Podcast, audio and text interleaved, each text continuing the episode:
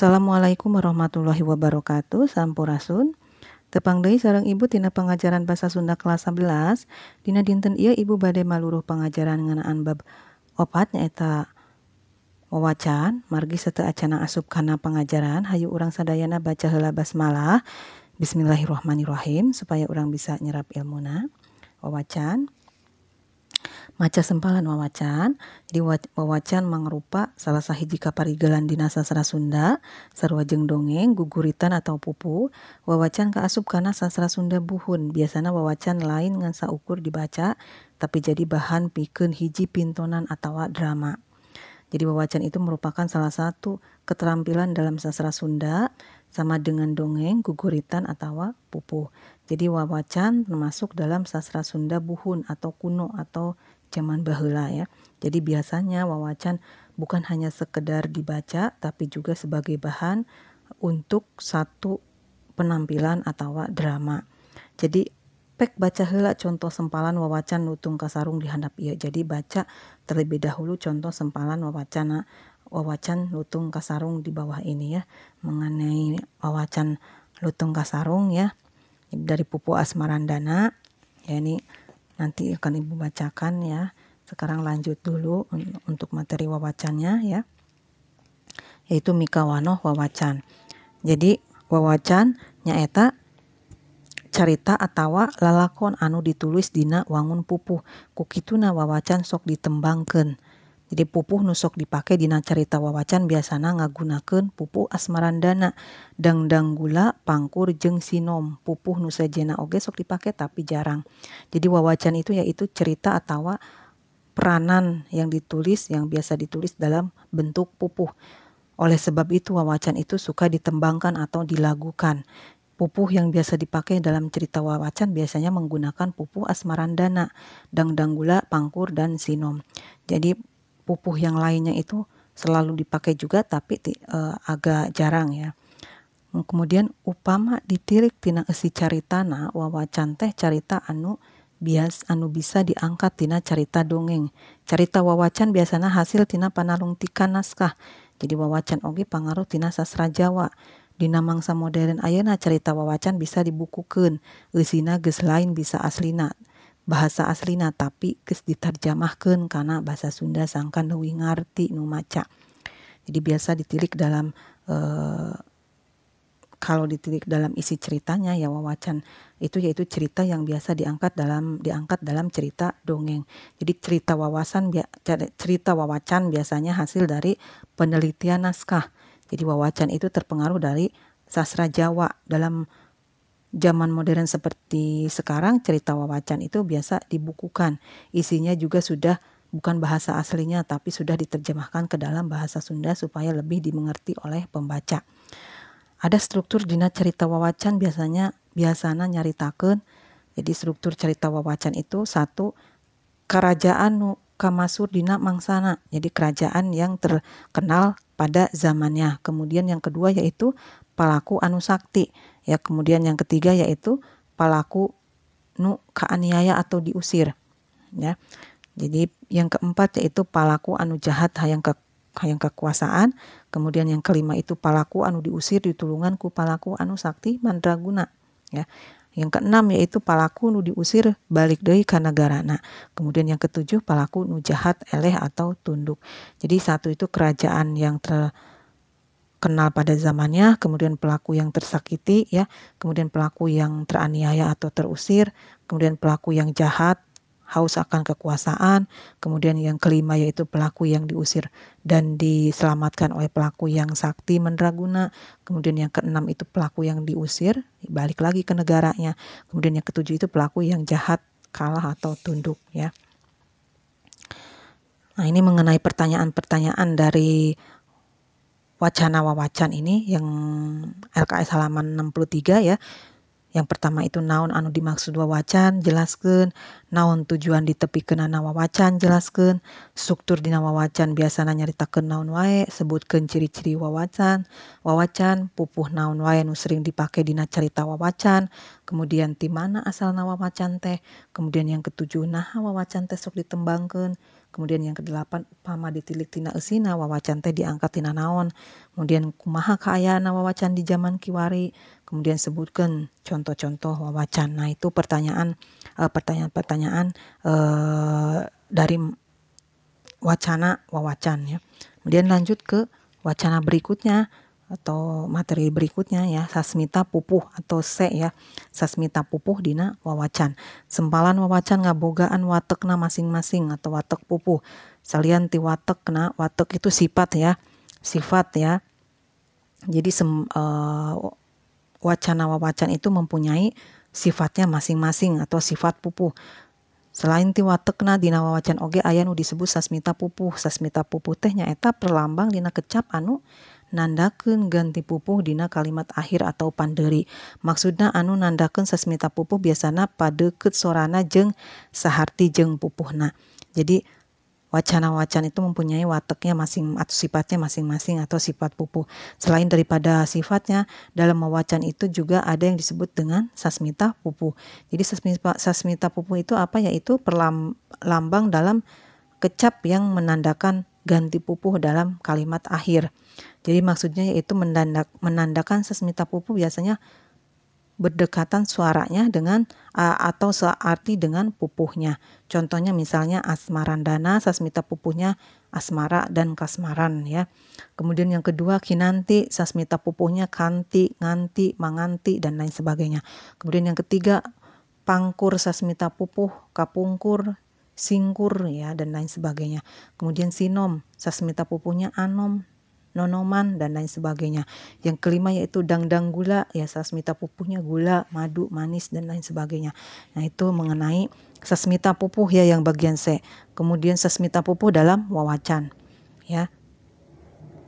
Ini daftar pertanyaan-pertanyaannya untuk uh, sasmita pupuh ini halaman 65 LKS ya.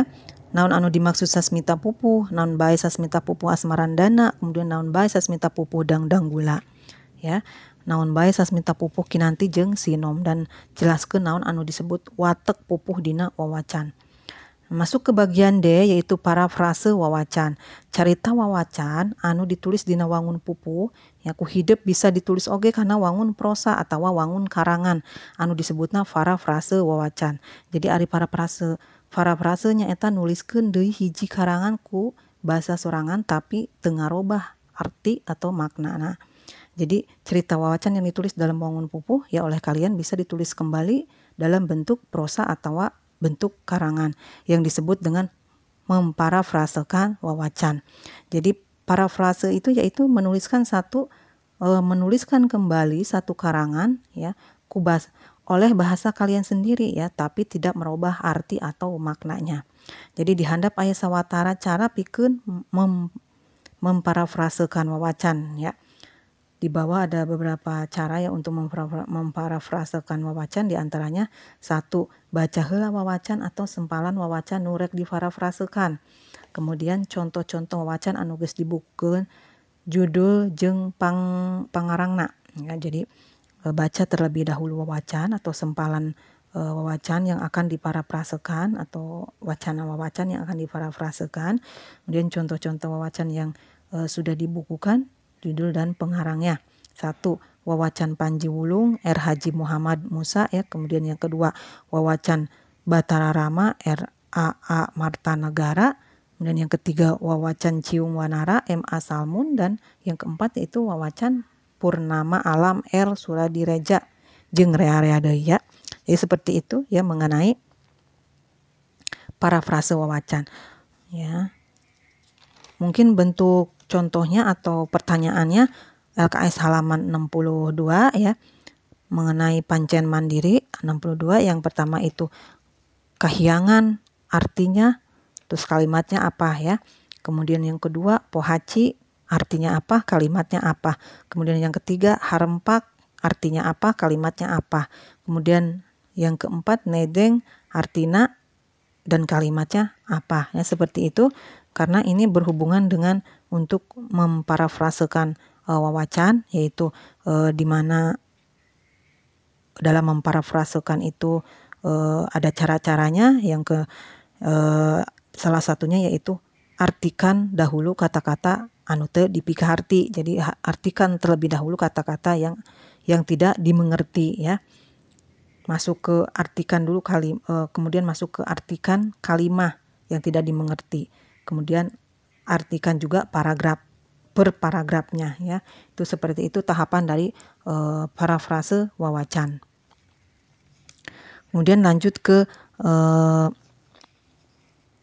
drama wawacan atau nampilkan wawacan. Nah ini drama wawacannya atau tampilan wawacannya ya atau menampilkan wawacan jadi kumaha sangkan wawacan di sastra Sunda di Pikewano ku orang Sunda di Pikawano ku orang Sunda khususnya generasi ngora atau para remaja. Jadi bagaimana supaya wawacan dalam sastra Sunda itu e, di Pikawano itu di dikenal ya oleh orang Sunda khususnya generasi muda atau para remaja. Iya nu jadi persoalan ya ini yang jadi persoalan. Para remaja zaman kiwari kurang atau di antaranya di antaranya ayah anu te apal karena kebengharan sastra Sunda khususnya karena cerita wawacan. Di kukitu nah hidup kudu dari ya maluruh ngenaan cerita wawacan. Ya jadi da, uh, ini yang jadi persoalan ya para remaja uh, zaman sekarang itu kurang atau uh, di antaranya ada yang tidak hafal uh, dalam kekayaan sastra Sunda ya khususnya uh, pada cerita wawacan ya. Oleh sebab itu kalian lebih uh, semangat ya dalam dan menelaah mengenai cerita wawacan. Jadi para seniman atau sastrawan Sunda pikir ngajawab tantangan eta kudu mintonkeun wawacan ya. Anu tadina ngan saukur naskah atau tulisan dirubah jadi naskah drama tuluy dipraktekkan atau atau dipintonkan jadi para seniman atau sastrawan Sunda itu untuk menjawab tantangan harus menampilkan wawacan atau mintonken ya. Dramatisasi wawacan ya. Yang tadinya hanya sekedar naskah atau tulisan ya dirubah menjadi naskah drama terus dipraktekkan atau ditampilkan. Nah, ditampilkan atau da, e, dipraktekkan itu yaitu e, mengenai drama wawacan ya. Jadi wawacan bisa dijieun karena wangun drama ku cara satu baca sing gemet cerita wawacan ya baca yang teliti cerita wawacan kemudian mun geus kacangkem eusina tangtukeun kumaha alur caritana kalau sudah e, dikuasai isinya ya tentukan bagaimana alur ceritanya. Yang ketiga tangtukan palakuna sahawae. Tentukan pelakunya siapa saja. Yang keempat itu nulis pelaku kade kudu jeng watekna. Ya jadi nulis pelaku itu peran peran utama itu harus dengan sifatnya. Kemudian yang kelima itu perhatikan latarnya. Kemudian yang keenam itu tulis paguneman atau cariosan para pelaku tina naskah aslina. Wawacan bentuk pupuhna. Jadi menulis percakapan ya para pelaku harus naskah aslinya ya dalam wawacan dalam bentuk pupuhna dalam bentuk tembangnya ya kemudian yang ketujuh eh, tambahan oleh improvisasi ya sesaluyu sejalan dengan jalan ceritanya. Yang kedelapan ya itu yang bagus itu para pemain bisa ngawihkan pupuh jadi yang bagus itu para pemainnya itu bisa menembangkan pupuh itu mengenai drama wawacan atau menampilkan wawacan ya. Tampilan pintonan dari wawacan. Ya seperti itu mengenai e, wawacan ya dari A sampai E sudah Ibu jelaskan. Ya, mengenai e, latihan mengenai latihan wawacan itu e, silahkan kalian isi ya wawacan halaman LKS halaman 63 ini harus kalian isi, harus kalian isi ya. Tenggatnya itu satu hari saja ya, misalnya kamu jam pelajarannya hari Rabu, berarti hari Rabu harus selesai yaitu jam 4 sore ya, supaya tidak lupa lagi mengenai tugasnya ya.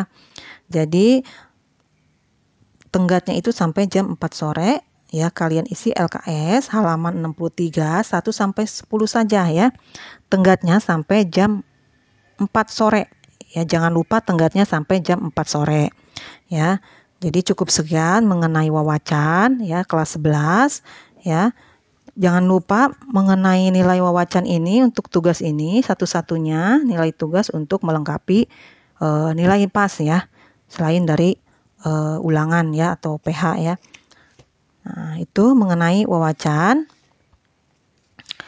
Nah, jadi demikian ya materi yang bisa Ibu sampaikan ya atau bahas dalam pertemuan kali ini di saluran Spotify ya untuk menuntaskan materi kelas 11 ya bab e, 4 itu tentang wawacan ya bahasa Sunda ya. Jadi semoga apa yang sudah Ibu bahas pada pertemuan kali ini ya ada manfaatnya ya.